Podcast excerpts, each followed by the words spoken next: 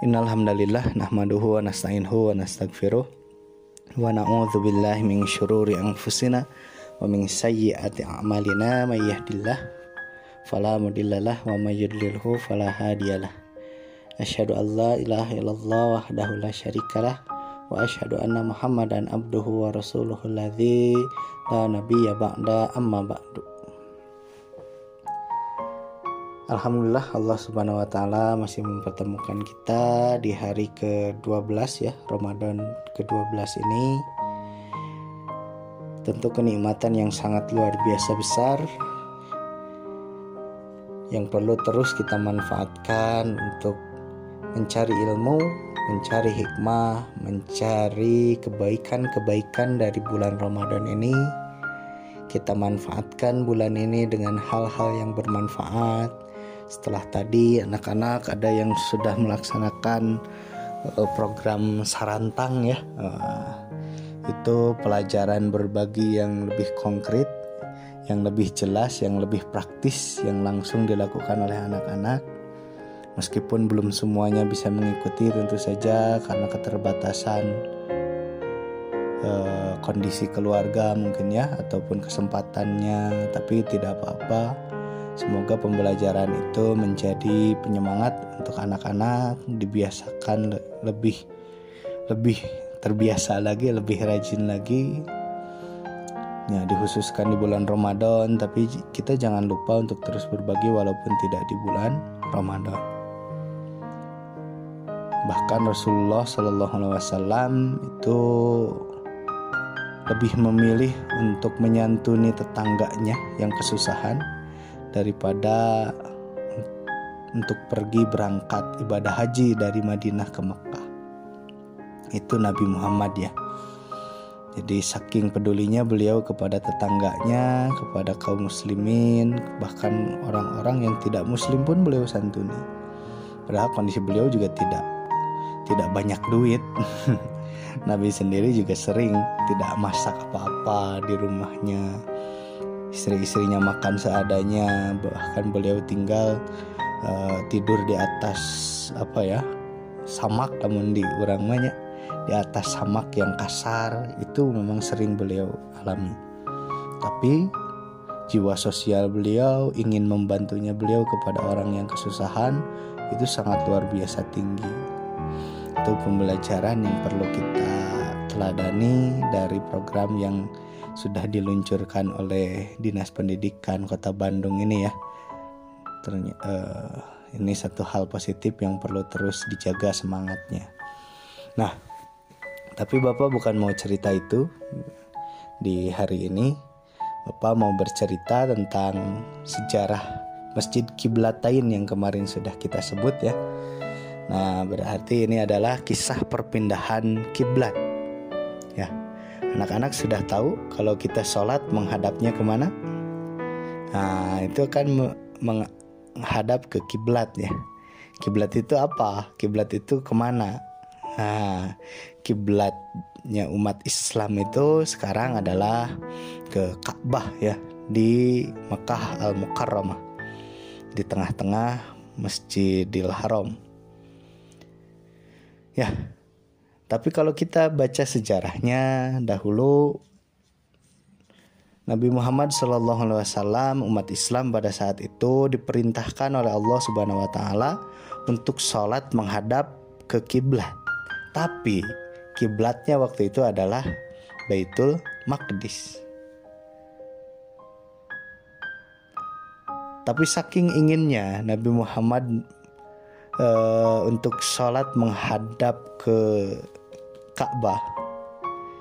Ini kenapa Rasulullah Nabi Muhammad SAW sangat ingin salat itu kiblatnya ke Ka'bah karena itu adalah kiblatnya Nabi Ibrahim alaihissalam waktu dulu.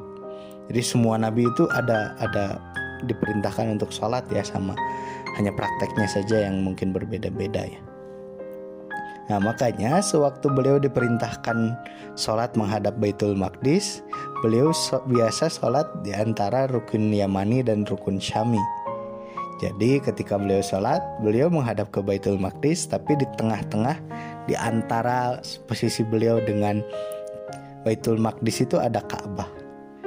Jadi tidak menyalahi uh, aturan Allah Subhanahu wa taala, tapi beliau tetap uh, berusaha untuk menjaga posisinya itu pokoknya beliau sholat menghadap juga ke Ka'bah.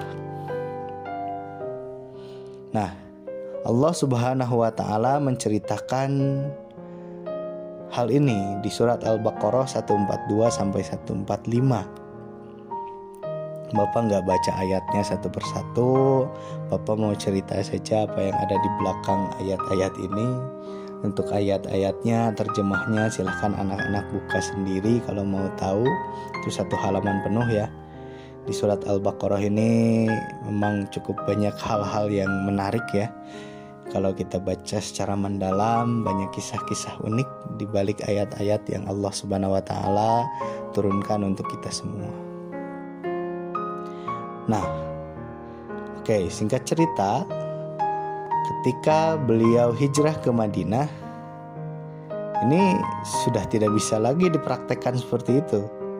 Arahnya sudah tidak mungkin karena tidak bisa lagi Rasulullah sholat di rukun Yamani dan rukun Syami karena sudah pindah kan, sudah nggak di Makkah Rasul ini posisinya, sudah pin sudah pindah ke Madinah.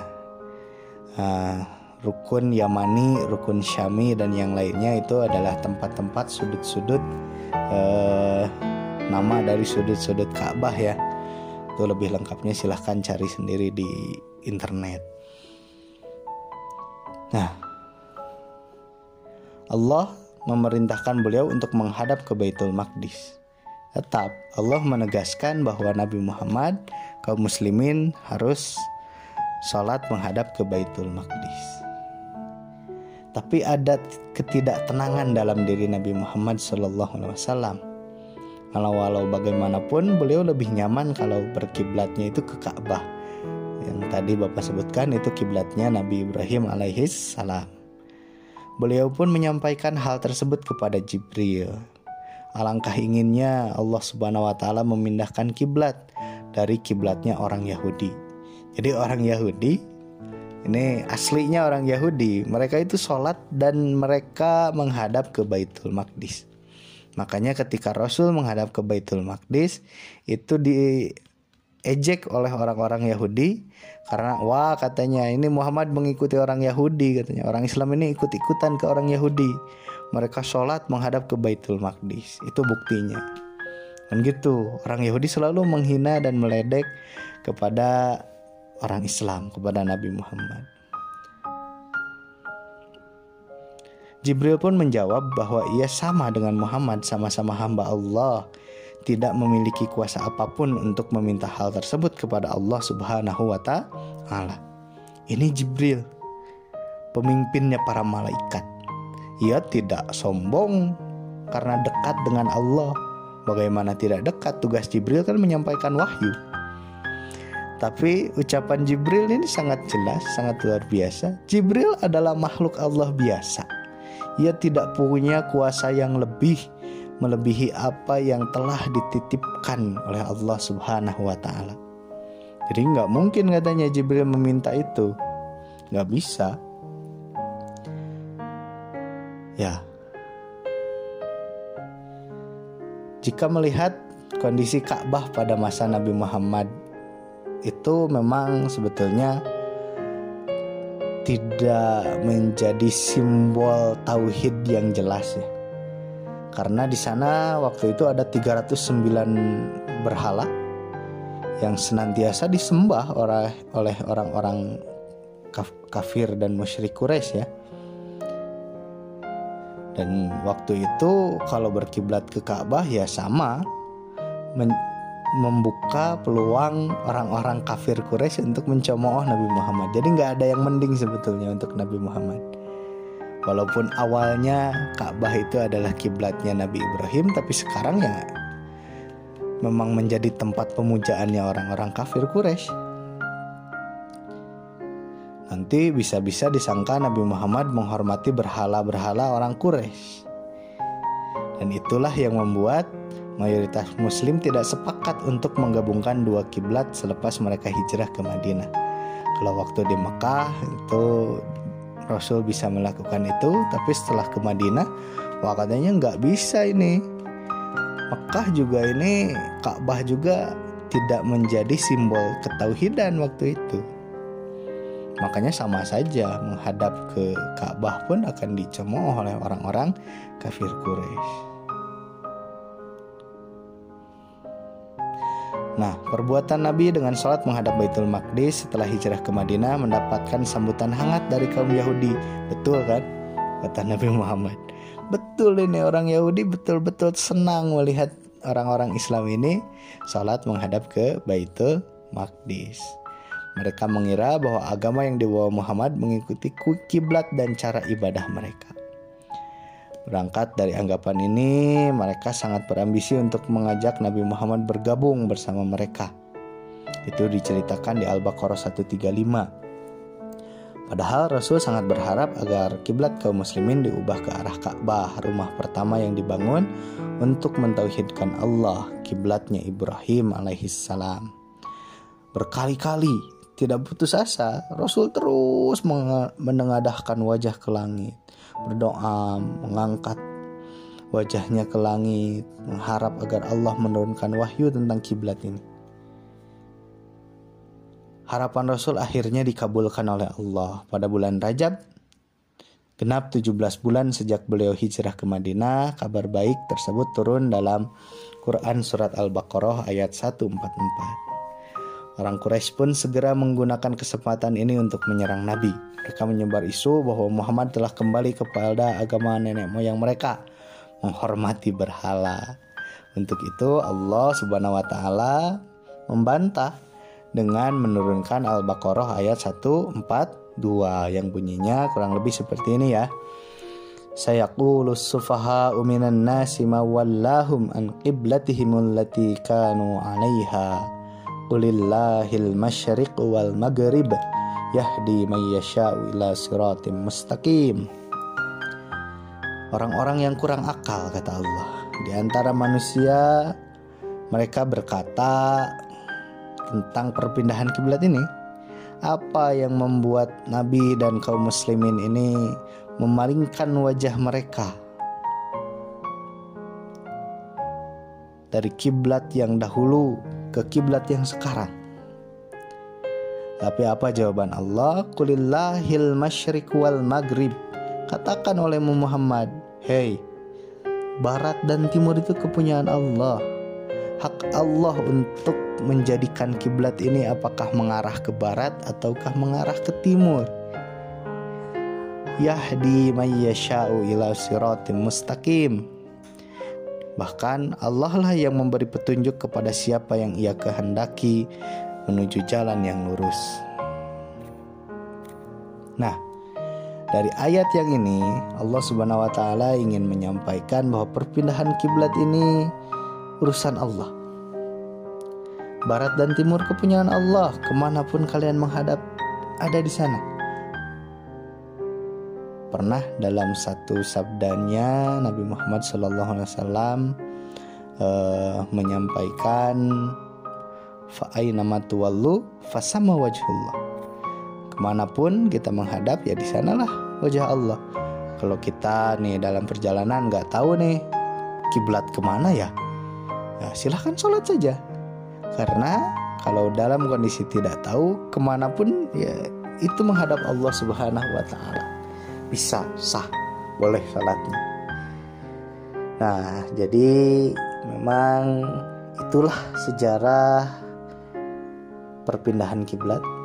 Saat itu Rasul sedang sholat di tempat itu di masjid itu yang kemarin diceritakan yang jaraknya sekian kilometer dari Masjid Nabawi ketika itulah Rasulullah Shallallahu Alaihi Wasallam sedang sholat dan wahyu ini turun kepada Nabi Muhammad untuk memalingkan wajah beliau dari arah Baitul Maqdis menuju ke Ka'bah.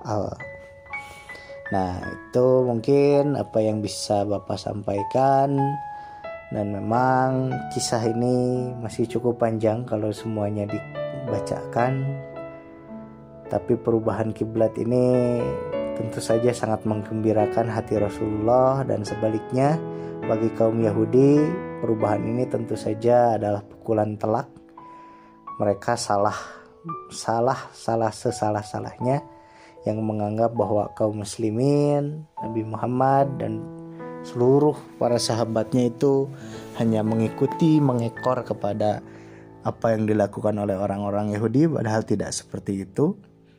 Kita beribadah karena Allah menyuruh, kita beribadah karena Allah Subhanahu wa taala memerintahkan.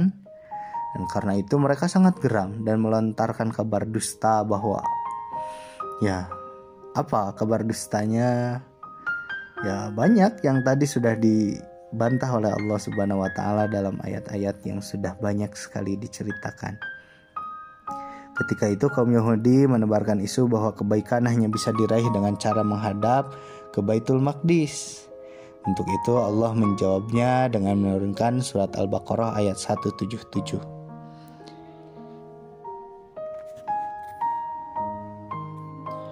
Dilandasi dengan banyaknya kecemburuan dan kemarahan orang-orang Yahudi itu sampai satu saat pernah Muaz bin Jabal, seorang sahabat Nabi yang mulia, uh, di ini ya diprotes oleh beberapa orang Yahudi.